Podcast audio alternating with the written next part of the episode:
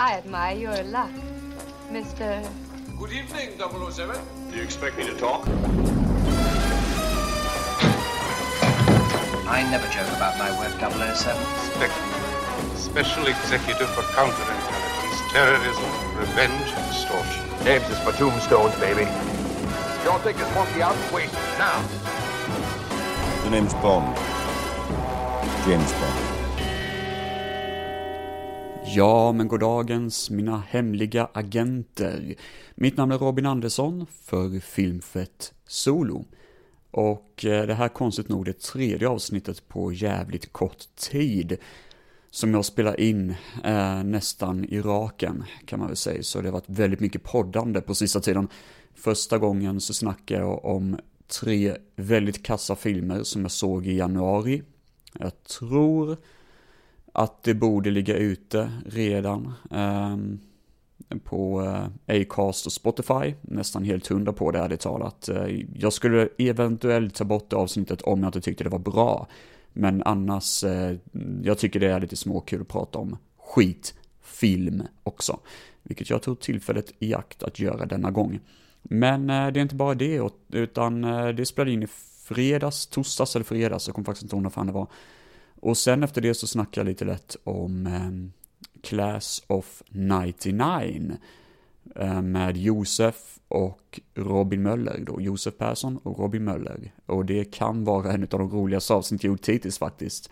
Um, redigeringsmässigt var det jävligt lätt att göra, för jag körde nästan bara hela avsnittet utan att klippa någonting.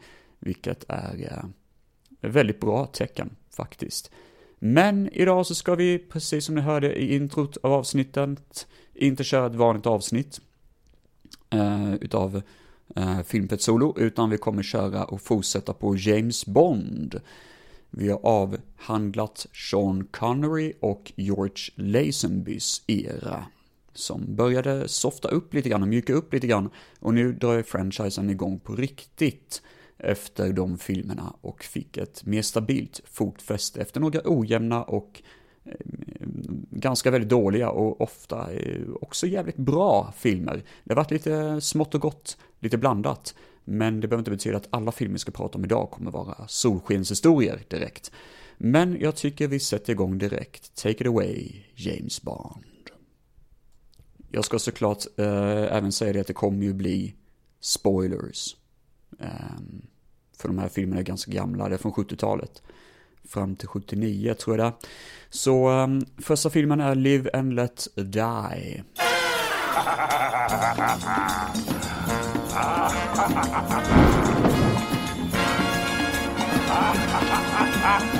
The legendary Baron Samedi, folks. That's Saturday for those of you who speak French. Buddha god of cemeteries and chief of the Legion of the Dead. The man who cannot die. Som gjordes 1973 av Guy Hamilton. Som även gjorde Diamantfeber. Och det är ju... Ja, om det är en bedrift eller inte, det är en fråga som ni själva får svara på helt enkelt. Jag kommer inte ställa de um, ehm, svaren på er. Men jag kan säga så här, håller ni med mig om att det är dåliga filmer, då är ni, är det en jävligt dålig film, då är ni mina bästa kompisar i stort sett. Nej, det här, det här är inte bra alltså. Diamantfeber var fan inte bra. Och det tyckte väl kanske Sean Connery också, han var väl ganska trött efter allting, så han hoppade av efter Diamantfeber, äntligen. Hoppade han av. Men han kom tillbaka senare, men det är en invecklad historia som jag troligtvis kommer plocka upp senare i James Bonds franchise. Men eh, Sean Connery hoppade av efter Diamantfeber och då ville de hitta en ny skådis och då dök ju Roger Moore upp och tog rollen. Roger Moore var en möjlighet, han fick en möjlighet att få jobba som James Bond redan i, jag för mig det var On a Mercy Secret Service, men då höll ju han på att spela in rollen The Saint som blev en ganska stor succé. Morsan här hemma i Sverige, va? morsan i Sverige låter jättekonstigt, men, ja, men min morsa tyckte väldigt mycket om The Saints när hon växte upp, så det var ju ganska stort i Sverige också tydligen. Men eh, storyn i Live and Let Die handlar så mycket om att tre agenter mördas under mystiska omständigheter. Och mycket pekar på att den mystiska eh, Dr eller Mr. Big är det rättare sagt, som är involverad till att de här, eh, agenterna har mördats. Alla mördas nästan samtidigt runt om hela jorden under mystiska omständigheter. Och Mr Big, en notorisk och stor gangster, verkar vara kopplad till det. Men han är inte ensam, utan det verkar också vara en mystisk karaktär som heter Dr. Kananga, som ingen vet riktigt vem det är. Och eh, sen då drar introlåten igång. Jag har för mig James Bond hade ett uppdrag i filmens intro. Det brukar han ju alltid ha, men jag kommer faktiskt inte riktigt ihåg hur fan det var i Live and Let Die. Det var väl in, in, inget sådär megastort intro i så fall. Utan jag för mig, eh, introt är väl mest bara att de här agenterna dödas, helt enkelt. Så det är lite svagt, lite svag början på den här filmen faktiskt. Men sen drar, eh, drar introlåten igång. Paul McCartney and the Wings gör låten Live and Let Die. Och det är en av de bästa låtarna i James Bonds historia. Utan tvekan en av de kändaste.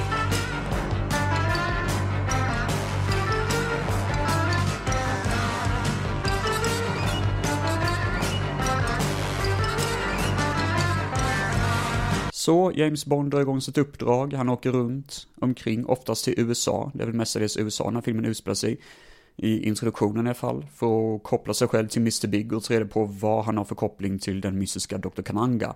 Och vi får veta själva då, eh, jag minns inte riktigt när det är i filmen, men vi får veta att Mr. Big är Dr. Kananga. Bara det att han har på sig någon mystisk eh, kläd, någon, någon mystisk typ av mask på sig som gör att han ser eh, lite annorlunda ut. Och det är Jaffet Kotto, heter han, som var med i Alien eh, 1977, tror jag. Ridley Scotts klassiska skräckfilm. Eh, han är skurken i filmen faktiskt, så det är, det är ganska coolt. Han spelar skurk i James Bond. Det är inte alla som får chansen till det. Och han är den första, enligt mig i alla fall, vad jag vet, den första och kanske hittills också den enda, tror jag, mörkhyade huvudskurken i en Bond-film. Och um, vad han har för plan, det minns jag inte riktigt, men det, det, är väl någonting att han typ äger ett stort plantage med eh, koki, eller alltså haschplantor för mig det. Eller något sånt. Och en av de största eh, som finns typ. Och James Bond ska ta sig dit och hitta det här plantagen och förstöra allting. Det är något sånt, så det är väldigt enkel story egentligen. Och det kanske är lite tråkigt på sätt och vis, men Samtidigt känner jag så här, när man har en sån här enkel story så kan man fokusera på andra saker och det tycker jag verkligen Live and Let Die gör. För eh, det här var ju en blaxploitation film Och det är lite sjukt. Blaxploitation var en jättestor genre under eh, början av 70-talet. För de mörkhyade var förbannade på att de inte fick en större representation i samhället överlag. Och absolut inte en stor representation i filmvärlden. Så det gjordes och producerades jättemycket Blaxploitation. Och den största är ju Shaft. Som blev så gigantisk att den till och med fick en remake med Samuel L. Jackson i huvudrollen. Eh, under tidigt 2000-tal, om man inte minns fel. Men Blaxploitation var väldigt stort under den tiden. Och det som var så schysst var att Live and Let Die ville använda sig av det. De tyckte ändå om idén av Black Exploitation och ville ändå använda sig av en möjlighet att göra någonting mer utav det. Så ehm, det gjorde att det blev mycket rasistiska poliser som ville ställa in inspelningen av Live and Let Die, som i stort sett bara var problema eh, alltså problematiskt under inspelningstiden i den här filmen då. Så ehm, på grund av att det var så mörka involverade i filmen. Så därför så skapade filmskaparna då en karaktär som heter J.W. Pepper. Som skulle vara som en sån här komisk rollfigur, en väldigt rasistisk polis som skulle överspelas och vara väldigt överdriven och såklart få liksom rätt mycket stryk och vara ointelligent och liksom vara en, en löjlig biroll. Problemet är bara det att enligt mig är G.W. Pepper alldeles för mycket i filmen. Han dyker upp som en halvt rolig karaktär och hade han bara varit med någon minut hade det räckt. Men han, vi får se rätt mycket av honom för han råkar på ett eller annat sätt vara involverad i James Bonds äventyr. Att han råkar vara på plats när James Bond gör massa saker. Eh, särskilt i filmens stora klimax actionscen som jag ska prata om sen. Där är G.W. Pepper med väldigt, väldigt mycket och involverad i filmen mot sin egna vilja, nästan i stort sett. Och tyvärr används detta alldeles för mycket. Skådisen är ju bra och allting, men fan vad det är, det är sunkigt. Och det håller inte riktigt ihop. Det blir för mycket komik helt enkelt, och det, det har jag jävligt svårt för. Och vad är detta då för eh, klimax att prata om? Jo, det är en lång actionscen. Vi pratar om en lång jävla actionscen. Det börjar på ett krokodilsafari där Bond blir utvingad att eh, spendera tid med krokodiler i en sån här pöl typ.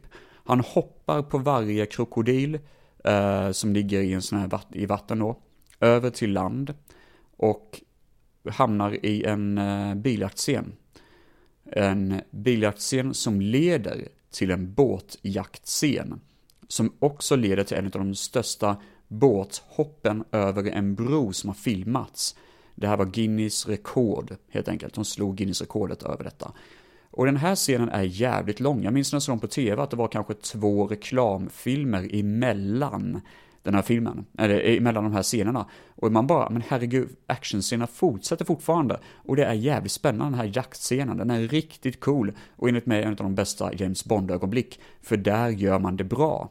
Det blir inte överdrivet tråkigt utan det blir alltid något kul att kolla på. Man hänger med i tempot och J.W. Pepper är där för att dra ner tempot lite grann. Vilket jag förstår, men det funkar inte riktigt idag för att det är för dålig komisk karaktär. Sen har vi då lite olika karaktärer som dyker upp i filmen. Det är inte bara Blaxploitation referenser Utan vi har också tema voodoo. Det är mycket med voodoo-kultur. Dr. Kananga är kopplad till voodoo-kulturen. Och det är mycket med träsk och mycket med det här New Orleans tror jag det heter i USA. Jag för mig det är där filmen utspelar sig mest. Och um, det, det, är mycket tema på det. De använder temat på ett väldigt bra sätt. För det skulle kunna bli en överdriven, övernaturlig historia. Det enda övernaturliga är att en av skurkarna, Baron Samidi, som han heter, som är typ en sån här voodoo, um, baron i filmen, kan man kalla det för. En av eh, skurkarna i filmen. Han överlever och man fattar inte riktigt hur fan han kunde överleva typ. Men egentligen så är det ganska smart gjort tycker jag, för man får inte riktigt se att han dör. Han blir inkastad, om man inte minns fel, judokastad in i en eh, kista full med ormar. Det ligger massa ormar. Och man hör typ hur han skriker i den här kistan. Men sen i slutet av filmen så ser han hur han sitter på ett tåg. Um, alltså på fram, alltså framsidan av ett tåg, av ett lok. Och han sitter där och skrattar åt kameran och tar sig sin hatt och bara ha ha ha ha. Sådär, riktigt coolt är det faktiskt. Jag, alltså många skulle nog säga att det är väldigt cheesy, men jag tycker faktiskt det funkar bra i den här filmen. Och jag är ändå glad att han inte dök upp igen, för det hade inte funkat i de andra filmerna heller. Utan det räcker att de har detta och jag tycker det funkar bra. Sen har vi karaktären Tihi, som jag tycker i alla fall är ganska charmig. Det är en gubbe med eh, bara en hand. Den andra handen blir troligtvis avbiten av hajar. Och eh, han kan, eh, han har en klo på den här handen som är väldigt stark. Den ser ju rätt plastig och ful ut, men jag bryr mig inte så mycket. Jag tycker ändå om att han är med i filmen. Och han, eh, han ler hela tiden. Och jag tror det är han som är Tihi i alla fall. För det är en annan snubbe som heter Whisper också. Som... Ehm, Ja, i alla fall, jag tror Tihi var han som ägde den här eh, krokodilsafarit. Där han slängde bort eh, James Bond till. Jag för mig det var en krokodil som hade bitit sönder hans hand, att det var hans backstory typ. Men annars så har vi en snubbe som viskar väldigt mycket, men för man bara heter Whisper. Um, har för mig det i alla fall. Men han, eh, hur han dog minns jag väl inte riktigt. Men det var väl lite halvlöjligt. Han gör inte så mycket i filmen. Han är en stor och buffig kille, men han gör inte mycket alls. Problemet är, alltså förutom G.W. Pepper, som jag ändå tycker är lite jobbig, men inte tillräckligt jobbig, för att förstöra filmen, så har vi ett problem till. Och problemet där är att skurken i filmen, Dr. Kananga, han dör på ett jävligt fult sätt. James Bond har en eh, pistolkula som han kör in i käften på eh, Dr. Kananga. Och den här speciella eh, pistolkulan innehåller något gift som gör att Kananga sväller upp som en ballong. Bokstavligt talat. Flyger upp i himlen mm, fastnar i taket eller någonting och exploderar. Och jag, eh, det, det är fan inte bra alltså, det, det är ju helt jävla ologiskt. Allt i den scenen är ju what the fuck movie. Och det är skitdåligt, jag håller med om det. det, det hade, hade de haft något bättre slut på det så hade jag verkligen accepterat den här filmen mycket mer. Men det här är ju för jävligt på ren svenska. Annars, det är en väldigt bra film. Med väldigt bra tempo och väldigt bra spänning. Enligt mig kanske den bästa introduktionen till en ny James Bond-skådis, enligt mig i alla fall. Um, jag vet inte fan, i och för sig. Det, det, är svårt att säga, för jag tycker nästan alla skådisar som har sin första film i en James Bond-franchise lyckas jävligt bra. Men Live and Let Die var verkligen att det här är, vi, vi är på väg mot en ny genre nu. Eller vi, vi är på väg något nytt här. Det kommer bli mycket äventyr, det kommer hända mer. Eh, storyn kommer kanske inte vara det bästa, men det kommer ändå hända mer. Och jag gillar det som fan. En annan liten sad note i filmen är att Harry Salzman och, eh, nu kommer jag inte ihåg vad han heter, Cubby heter han, eh, Broccoli, något sånt. Jag kommer inte ihåg vad fan heter efternamn. Cubby R. Broccoli heter han. De som var producenterna bakom James Bond. Låg i fade mot varandra under inspelningen av olika anledningar. De hade väl olika idéer vart franchisen skulle ta vägen. Och det är ju ganska sad. För det här, om man inte minns fel, var den sista filmen som de producerade tillsammans. Eller så var det att det här började en stor fade som senare påverkade nästa film. Det kan varit så, i och för sig. Um, annars utöver eh, den filmen, en sak till jag måste säga är det att vi har en kvinna som heter Solitaire, som är James Bond-kvinnan i filmen. Och hon är en spådam, eller spåkvinna, som spår i filmen typ. Eh, lite god touch ändå, eh, som sagt var, funkar lite grann med den här eh, eh, voodoo-stämningen. Ja, jag gillar den här filmen. Live and Let Die är riktigt cool och eh, ja, jag tycker den håller väldigt bra. Det är bra skurkar också. Det, det, är en god jävla actionfilm. Och en av de bättre på det sättet att man kan visa den för de flesta människorna och bara säga Tänk bara på att det är 70-talet. Det kommer kanske inte vara sådär, åldras sådär jättebra. Men annars utöver det så är den jävligt god. Ja men det, det, det är nog fan det jag skulle säga om Live and Let Die ändå. Det, det är en god film och jag rekommenderar den. Eh, för folk som är intresserade av James Bond och kanske vill dyka in i första deras första James Bond-film, Live and Let Die, med en av de bästa soundtracks ever. Nu går vi vidare till nästa film tycker jag, och ser hur den håller sig. When I kill, it's on the specific orders of my government. And those I kill are themselves killers. Oh, come, come, Mr. Bond. You disappoint me. You get as much fulfillment out of killing as I do, so why don't you admit it? I admit killing you would be a pleasure. You should have done that when you first saw me. But then, of course, the English don't consider it sporting to kill in cold blood, do they? Don't count on that. Då hoppar vi in i Man with a Golden Gun, 1974, Mannen med den gyllene pistolen, regisserad av Guy Hamilton. Och det här var hans sista film som han gjorde. Guy Hamilton gjorde också förra filmen då, såklart. Um, ja.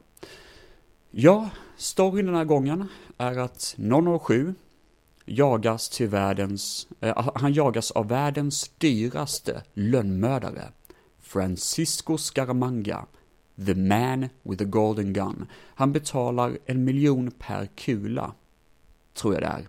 Men, grejen är att Francisco Scaramanga behöver bara skjuta en gång. Han har en väldigt specifik typ av pistol, eh, en gyllene pistol såklart. Och eh, den kräver en viss typ av kula. Den kan bara laddas med en kula i taget, men han behöver bara ett skott för att avrätta en person. Jag gillar det här, alltså det är så jävla coolt. Det är sådana gimmicks som bara funkar så bra i James Bonds franchise. Det är så färgstarkt. Så en kula av guld som har ingraverat 007 skickas till MI6, stället där James Bond jobbar, hans huvudkontor. Och eh, det är väl det som egentligen börjar filmen. Tyvärr har vi en negativ sak, att det är någon typ av gimmick som Bond ska jaga efter i den här filmen. Och jag tycker inte riktigt den funkar. Det är en, någon typ av solarkraftenergi som är involverat i storyn. Och visst, detta var 70-talet, oljekrisen var fortfarande väldigt stor i världen. Och det var därför man verkligen såg som en sån här sak, att en möjlighet att kunna göra det här som en eh, involverad story, där med solarkraften då. Det är den gimmick som Bond jagar efter under filmens gång, någon löjlig solarkraft, historia. Och det är några personer då som vill avrätta honom och förstöra den här kraften eller, eller använda det till något vapen, jag vet inte fan. Francisco Scaramanga är såklart involverad i det. Och då kan man ställa sig frågan, vem är det som spelar Francisco Scaramanga? Jo, Christopher Lee. Och jag kommer troligtvis komma till hans sist av allt när jag sammanfattar filmen. I alla fall lite mer ingående med hur han gör rollen Francisco Scaramanga. Han har en sidekick som heter Nick Nack, som är en kortväxt kille. Och eh, det tråkiga är att tydligen så um, var Nick Nack, uh, eh, han var väldigt fattig innan filmen drog igång. Han bodde i en bil tydligen. Och det är ju jävligt deppigt. Jag för mig till och med att han tog självmord och sånt. Det var en sånt jättesad eh, slut på hans liv. Och sen så dyker ju G.W. Pepper tyvärr upp igen från förra filmen, den rasistiska polisen, som råkar befinna sig i samma land som James Bond. För jag för mig James Bond åker till Taiwan, tror jag det är. Tha Thailand är det nog kanske. Och, um, ja. Eh, där är G.W. Pepper och hans fru på semester och han är involverad lite lätt. Jag har för mig till och med de delar bil tillsammans i en biljaktscen. Ja, och i denna biljaktscen så får vi se en väldigt klassisk, ehm, eh, ett klassiskt stunt som kallas för barrel roll jump. Det är att eh, bilen som Bond kör, kör på en eh, sniskad, kan man säga, bro som lutar lite grann. Gör en, ehm, eh, alltså bilen liksom flippas runt ett helt varv, 360 grader och landar igen på hjulen på bron på andra sidan den här sjön. Och det här var verkligen liksom wow, biggest thing ever. Men de fuckade upp en sak. Nå någonting som regissören själv sa att han hatade att han la till detta.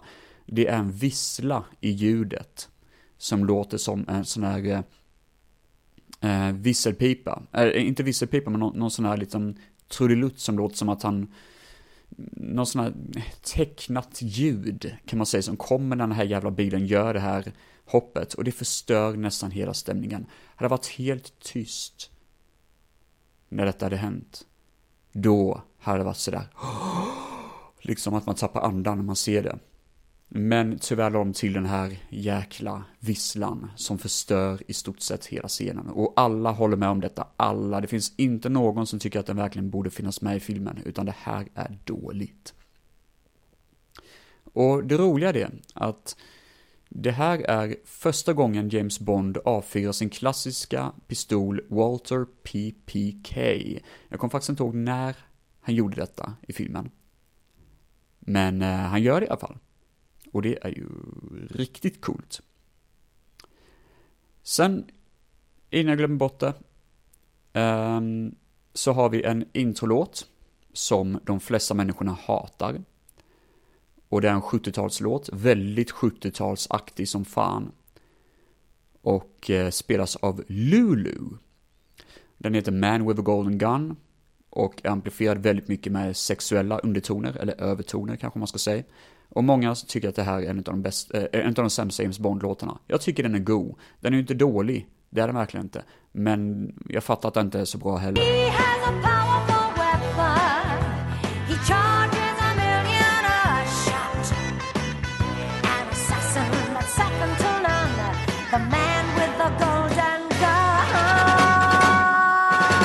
Man kan säga så här att Man with a Golden Gun var kanske en film som inte hade de bästa möjligheterna. Det hade en av de sämsta intäkterna i hela filmserien. Och det var mycket problem som dök upp under filmens inspelning. Eh, vad det kan vara, det kan jag inte riktigt säga, men det var nog mycket med att det var problem med eh, producenterna som inte riktigt kom överens. Det var många sista minuten ändringar som gjordes som kanske inte riktigt hänger ihop i filmen. Det märks att det här var lite forcerat, lite för snabbt och lite att de bara vill bli klara med filmen, nästan. Så det, det har många problem med filmen som gör att vissa tycker att Man with a Golden Gun inte är den bästa filmen. Um, bland annat så är ju Maud Adams och Britt Ekland med i filmen. Och Britt Ekland spelar uh, den uh, Bonds brud i filmen då.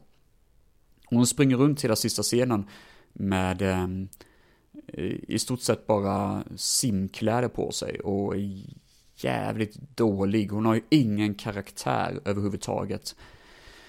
Men det roliga är att båda Britt Ekland och Maud Adams är ju svenskar och Christopher Lee var tydligen utbildad i svenska, så han pratade svenska med Britt Ekland och Maud Adams eh, under inspelningen, vilket är skitcharmigt. Och man önskar ju verkligen att man kunde prata svenska med Christopher Lee, det hade varit ultimat.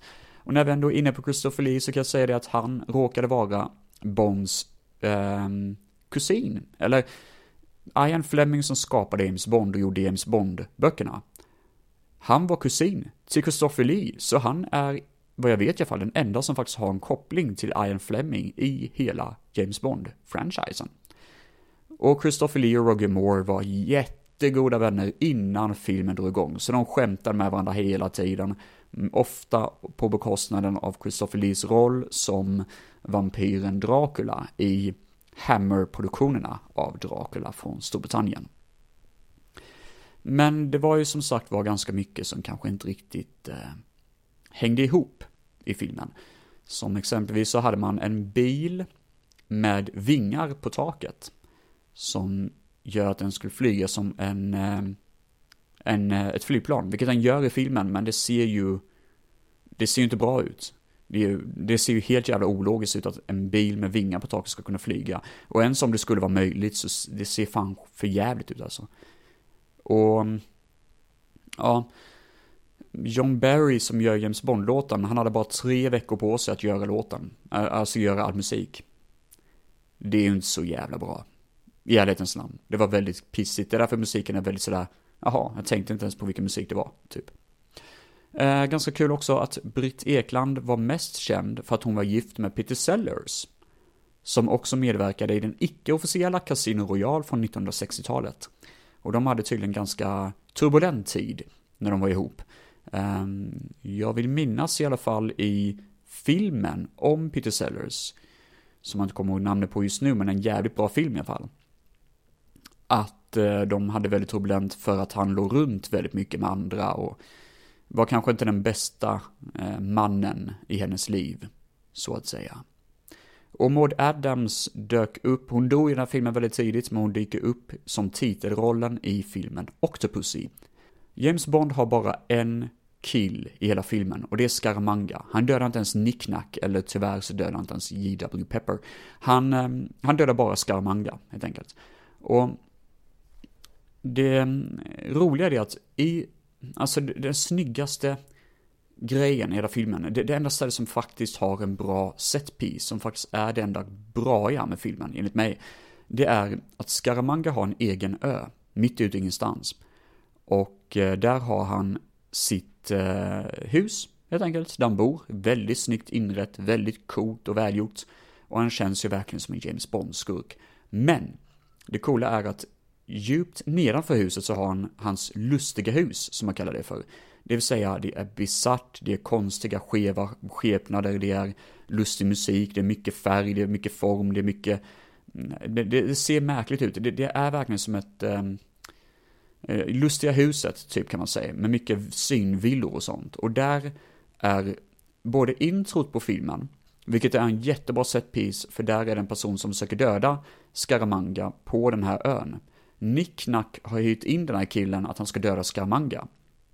Men då blir han inlurad i det här lustiga huset och jagas där liksom och skjuter och skjuter och skjuter och till slut har han inget skott kvar och då säger Scaramanga You used your 12 eller något sånt. I only need one. Och så bara skjuter han honom typ. Jag gillar det som fan. Det är riktigt snyggt. Um, den här scenen i Scaramangas ö.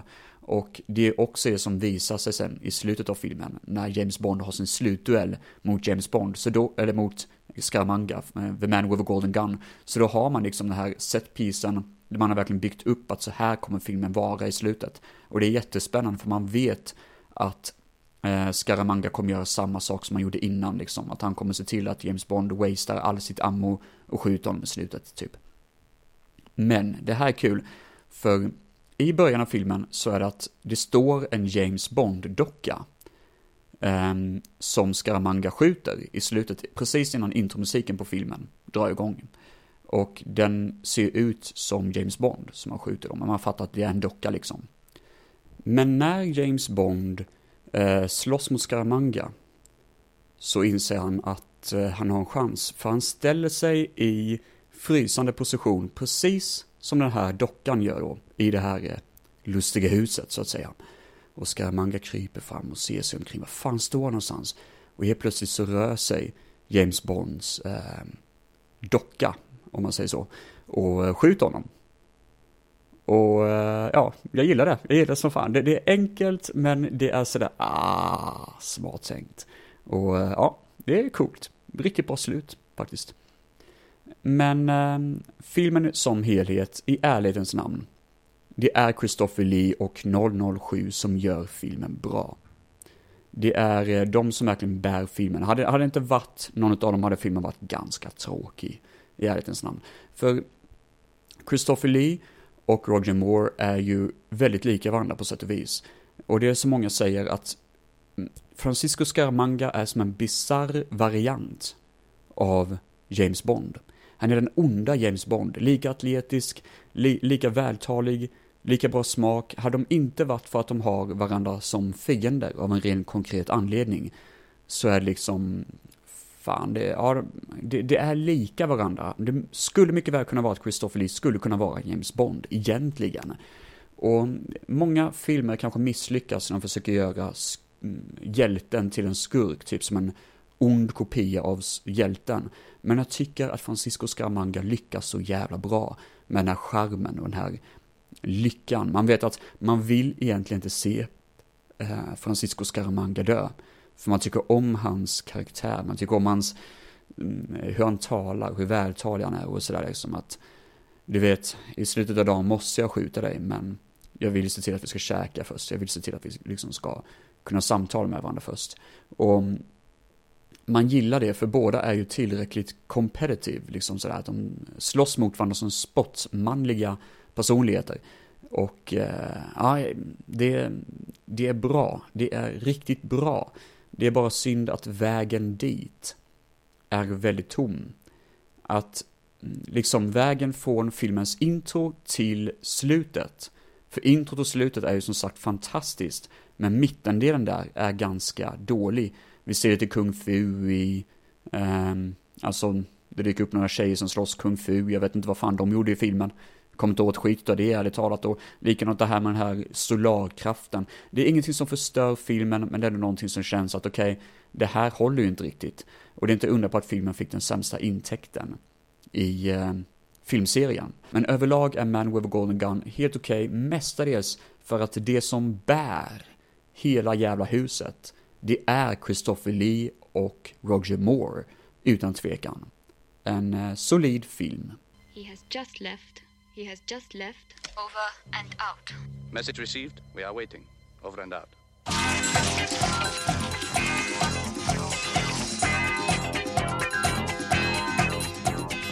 The Spy Who Loved Me, Älskade spion, 1977 av Lewis Gilbert, som även gjorde You Only Live Twice. Eh, bland annat i alla fall. Och den filmen är ju helt jävla mm, magnifik. Så storyn i The Spy Who Loved Me är att några ubåtar försvinner väldigt mystiskt, både från Ryssland och eh, Storbritannien. Och eh, från Storbritanniens sida så är det ju James Bond då, som jobbar såklart för att hitta hans ubåt. Och från Ryssland så jobbar Agent Triple X, tror jag hon heter. Jag har bara skrivit Agent X här, men ja. Eh, det kan vara att hon heter Triple X också. Jag kommer inte ihåg hennes riktiga namn, men skitsamma. Och de här tvingas jobba tillsammans, Bond och Agent Triple X. Men eh, en annan sak som jag glömt att skriva, men som jag ändå måste informera om såklart, är det att Agent Triple X eh, var inte ensam, hon hade en partner. Och James Bond eh, råkade egentligen skjuta hennes partner i början av filmen. Vilket är intressant, för hon har sagt det att om hon hittar mördaren så ska den här personen om man gillar den här idén. Grejen är bara tyvärr att det inte riktigt genomförs sådär jättebra i filmen. Jag menar, det är lite bilder på hon har lite sådana, när hon får veta att det är James Bond och hon är väldigt mot honom och bara när det här är över så kommer jag skjuta dig typ. Men det är ju James Bond och han lyckas charma henne i slutet av filmen. Men det, det, är ändå en dålig sak, att jag skulle vilja se lite mer av det. Jag hade till och med velat se att Agent X kanske dyker upp i nästa film och deras eh, involverade relation kanske blir lite mer invecklad, kanske till och med att hon blir skurk för vem vill inte se en kvinnlig skurk i en James Bond-film? Återigen, det, det var ju bara... Eh, vad heter den? Eh, From Russia With Love där, som hade en kvinnlig skurk, än så länge i alla fall. I alla fall man kan komma på sig i så fall. Och det, det är ju väldigt dåligt, för jag menar, Agent X skulle kunna vara en riktigt cool skurk som Bond tvingas antingen slåss mot eller besegra på något vis. Um, men filmen börjar med ett magiskt intro, ett stunt i en skidjaktscen. Och eh, i denna scen så hör vi en otroligt cool låt som kallas för Bond 77. Som är då eh, disco-Bond-låt och spana in och lyssna på den för den är fan impressive.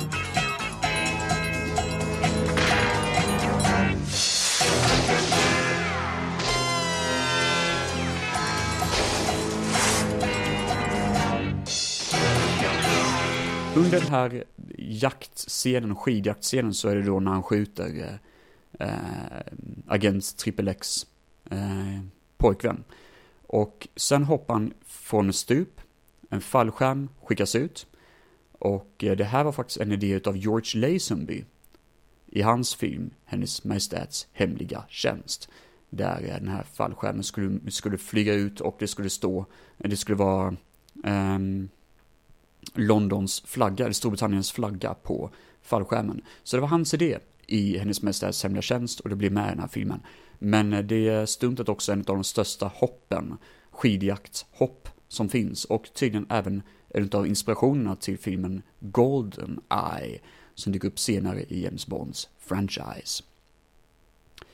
Sen så har vi då en huvudskurk i filmen såklart som dyker upp senare i filmen. Och det är Carl Stromberg, heter han. Han har en idé att han vill göra Atlantis. Han vill skapa ett undervattensparadis. Men som skurk gör han väldigt, väldigt lite. Han är väldigt, väldigt svag och tråkig. Han sitter mestadels bara och har ingen eh, Alltså förutom att vara lite butter så gör han fan inte mycket. Han pratar en del, men han, han, de skulle kunna göra mer med honom. Och visst, han är en klassisk skådespelare och skådespelaren är bra, men jag tycker allt med honom är tråkigt. Till och med slutet hur han dör är lite halvtråkigt att han, han dör rätt snabbt och visst, det är lite småkul hur han dör. Jag kommer inte gå in på det för det är lite in, invecklat att säga, men äh, det, det är bara tråkigt att han har egentligen inte så mycket att komma med i filmen, tyvärr. Låten i filmen är Nobody Does It Better av Carly Simon. En ganska mysig Bondlåt, ganska lugn, ganska chill.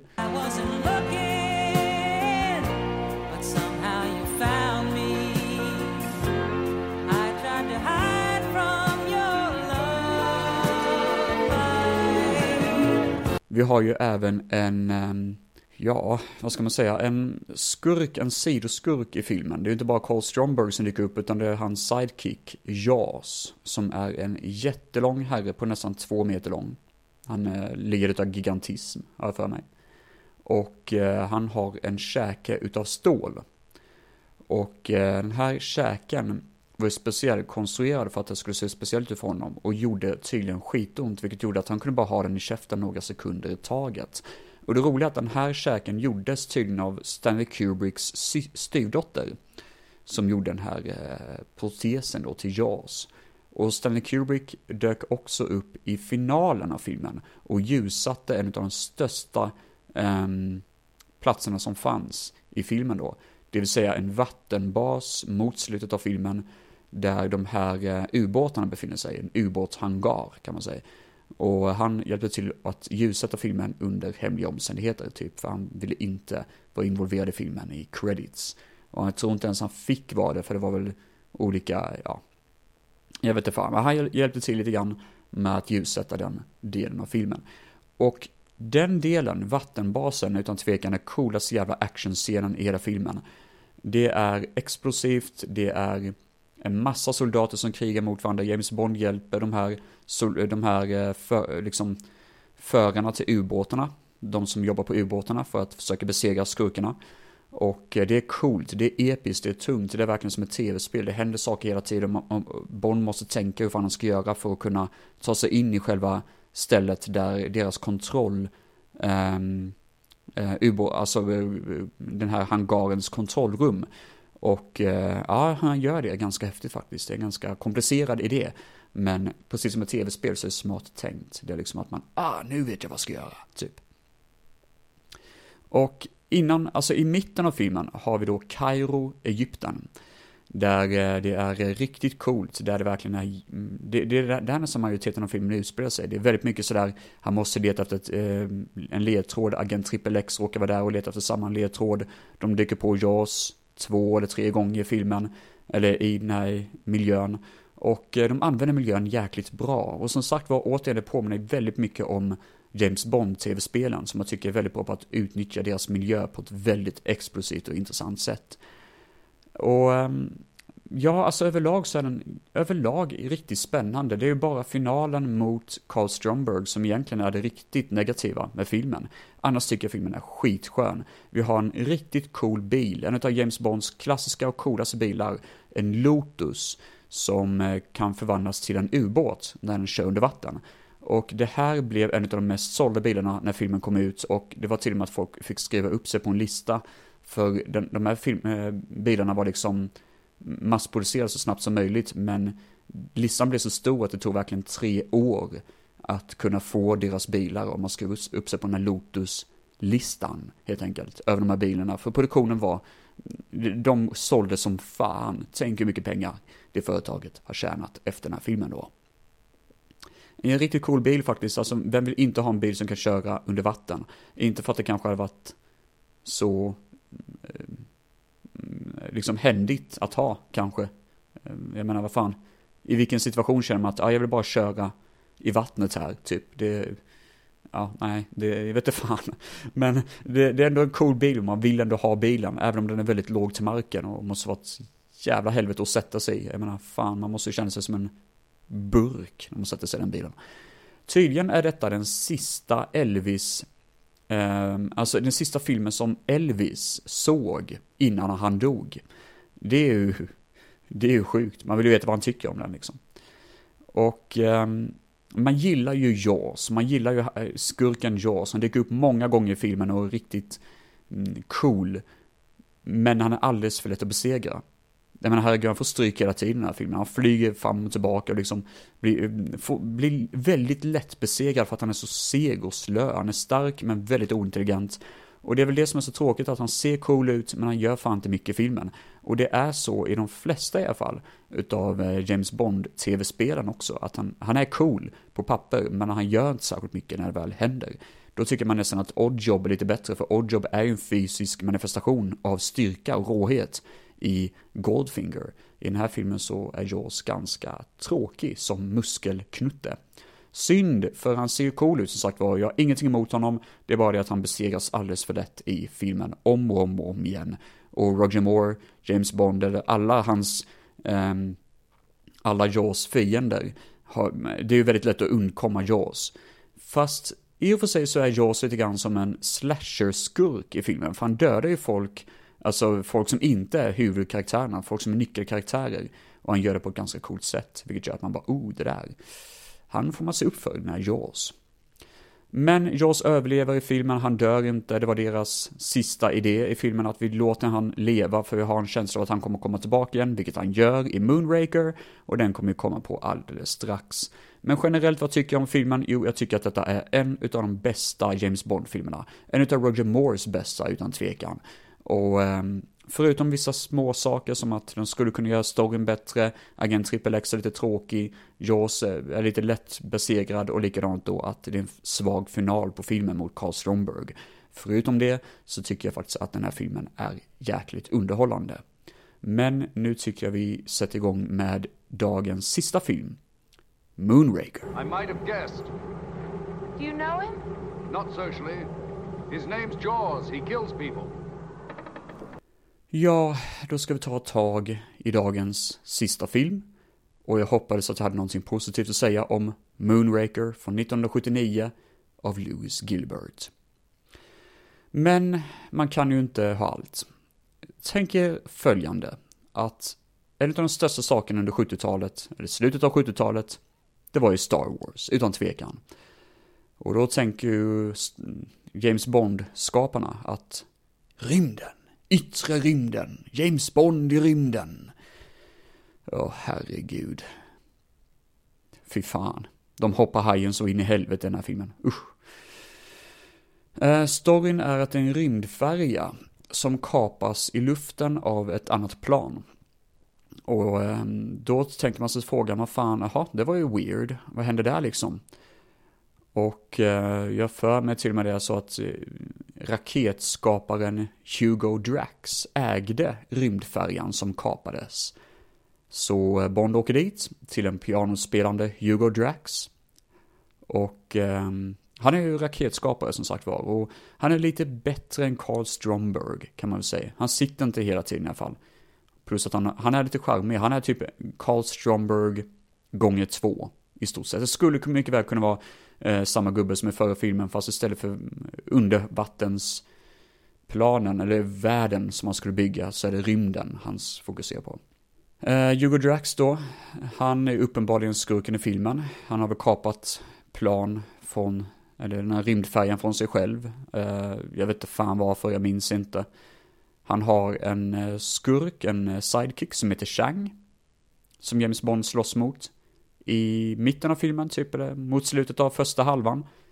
Och eh, det är en scen som tar sönder mest glas i en scen. När de slåss i ett museum. Jag för mig det. Nej, någon sån här glas... Eh, ja, ska, ja det, det, är typ som ett museum kan man ju kalla det för. Och de slåss in i museet då. Och det är jättemycket glas som går sönder överallt. Det krossar som fan och ger mig huvudvärk. För det är fan vad det låter. Utav bara helvete. Men Chang dör ju. Och då tänker man, vem fan dyker upp nu? Alltså, Chang redan död. Vad fan, det här är ju jättedåligt ju. Ja, men då dyker Jaws upp igen. Från förra filmen. Uh, för han överlevde ju där i... Uh, uh, The Spy Who Loved Me. Så han dyker upp igen som sidekick till Hugo Drax och är typ skurken i uh, den fysiska manifestationen av skurken. Uh, då. Och filmen introduceras till och med med att James Bond tvingas hoppa från ett plan, ett flygplan, som har kapats då av Jaws och en annan skurk. Så han måste dyka efter Jaws i ett hopp. Och eh, brottas med honom, tar hans, äh, vet du, sån här äh, ja, vad heter det? Hans äh, Eh, väska med eh, där, där man drar tre på så dyker upp en sån här, ja, ni förstår vad jag menar. Han tvingas ta den från Jaws då i striden och landar säkert helt enkelt. Och det är väl eh, så filmen börjar, så filmen introduceras.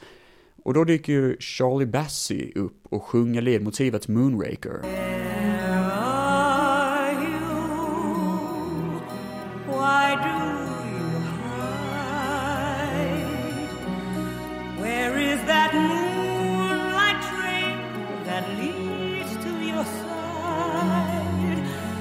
Hennes sista låt i 007. Hon dykt upp några gånger tidigare i James Bonds franchise. Sen, resten av filmen är egentligen bara löst ihopsatta actionscener Eh, alltså actionscener utan syfte. Förutom det att Chang dör och Jaws tvingas komma in, så finns det fan inte mycket alls som håller ihop här. Det är värdelöst. Jag kommer ihåg en scen när James Bond är ute i Amazonas, och man bara tänker sig, vad fan, Amazonas är jättestort, vad letar du efter typ? Ja, han letar efter någon bas i Amazonas typ. Han kör någon båt på, mitt ute på någon eh, ingenstans. Och återigen, Amazonas är ett stort jävla ställe, vad fan, vad fan, Ska du bara leta efter någonting i hela jävla landet eller? Du kommer fan vara borta i flera veckor. Men han kör runt där i en båt och så dyker Jaws upp i en båt efter honom och jagar honom. Och för mig Bond använder någon sån här gadget som spränger Jaws båt. Och man bara hopp. Men man vet ju att han kommer inte dyka upp igen, för det gör han ju alltid. Men det var det, liksom. Och det är en jätteliten scen som bara typ en minut. Man bara, vad fan vad onödigt. Jätteonödigt är det. Och det är ingen build-up alls, det är bara för jävligt är det. Alla sådana scener är på det sättet, det är eh, riktigt ihoptafsat skit. Hang on, James. The thought had occurred to me. Men man får ju säga det att trots att det är mycket som inte hänger ihop så är det otroligt snygga miljöer. Alltså, det är otroligt snygga set pieces, i alla fall i slutet av filmen, där vi får se själva rymd färjan eh, som eh, Hugo Drax har byggt ihop. Han har byggt ihop en sån här, vad ska man säga, eh, raketsammanordning kan man säga, som en bas ute i rymden då. Och eh, det är ju snyggt gjort, det är verkligen, eh, det är verkligen stor konstruktion. Och man fattar det att den här filmen kostade jävligt mycket. 30 miljoner pratar vi om. Det är fan helt stört egentligen, 30 miljoner, stämmer det verkligen? Ja, enligt, eh, men det, det här, ja, jag vet inte fan. Enligt EMDB, så jag vet faktiskt inte om det, det måste vara dollar då, men det makes no sense. Jag tycker det låter helt jävla sjukt att det skulle vara så mycket. Men i alla fall så kostar den mer än någon av de tidigare filmerna sammanlagt. Wow, kan vi säga där, indeed. Roger Moore hatade vapen i verkligheten, han tyckte inte om vapen alls och i den här filmen så avsky, han använde bara ett shotgun tror jag det är i den här filmen. Eller något sånt jättelitet. Men ehm, det är också det första gången vi får se en äkta, modern rymdfärja användas i film. Tydligen. Ja, alltså, John, 007 hoppar ju verkligen hajen när han är på rymdfärjan i slutet. Och nej, jag pratar inte om Jaws, han hoppar verkligen hajen. Han, det, det är så jävla löjligt med James Bond in Space. Vad fan är det för idé? Vi har laserstrålar, vi har... Åh, det är så dåligt. Varför har vi detta? Åh, jag får... Åh, gud, det är jävligt dåligt. Och, nej, fy fan. Jag, jag mår lite illa när jag tänker på det. Jag fick sån jävla huvudvärk förra gången jag såg den här filmen. Jag, det är fan inte konstigt att man får det när man ser det här. Det, det här är jättekonstigt och jätteflummigt och Moonraker, nej fy fan. Laserstrålar och rymd baser. nej fy fan jag hatar detta. Och sen det värsta, Jaws är ju tillbaka och man gillar han som skurk. Men någon jävla idiot kom på att vi ska göra han som en god karaktär. Bara för att det var någon unge som skickade in något jävla brev till producenten och sa Hej, Jaws är cool, men jag vill att han ska vara god istället. Och då blev han god i slutet av Moonraker. Och man bara fuck you kid, jag vill fan slå skit om den jävla ungen som kom på den idén. Fy fan, vad förbannad man blir. Åh. Oh. Alltså jag, jag är riktigt jävla förbannad på den här filmen. Jag tycker den... Oh, och det värsta är att det här är en av de mest inkomstbringande filmerna som kom från James Bonds franchise innan filmen Goldeneye. Och man bara, för fan. Åh. Det positiva med Moonraker, om det nu ens finns något positivt med den här skiten, att skiten som kommer efter Moonraker är good shit. Vi behöver kanske inte vara så jävla rädda för att dra ner lite grann på saker och inte låta saker vara så överdrivet precis som den här filmen. Och i nästa James Bond-film, när jag nu än gör nästa avsnitt av innehållande vår favoritagent, då kommer det vara lite mer innehållsgivande och lite mer positivitet. För eh, Nej, jag hatar Moonraker. Alltså på riktigt hatar. Jag vet att den är baserad på en bok, men det kan fan inte vara att boken slutar med att de är ute i rymden och slåss på en jävla mm, rymdstation. Nej, fy fan, rent ut sagt. Nej, det, jag blir så förbannad. Jag, jag klarar inte av det här. Nej, men det är väl allt jag kan säga om James Bond denna gången. Det finns väl inte så mycket mer att säga om denna franchise för, för dagens avsnitt i alla fall. Nu kommer jag chilla lite grann och spela in avsnitt för det är fan vad man blir trött på att babbla hela tiden. Eh, ha det så jädra gött allihopa och eh, ta hand om er så hörs vi av vid nästa session. Glöm inte att kolla in Filmfett på eh, Filmfetts eh, hemsida för det första. De få gångerna jag är involverad i det. Fin Filmfett finns även på Facebook och såklart på Instagram, så det är bara in och spana läget där. Ha det så otroligt bra, mina damer och herrar, och ta hand om er. Hej då!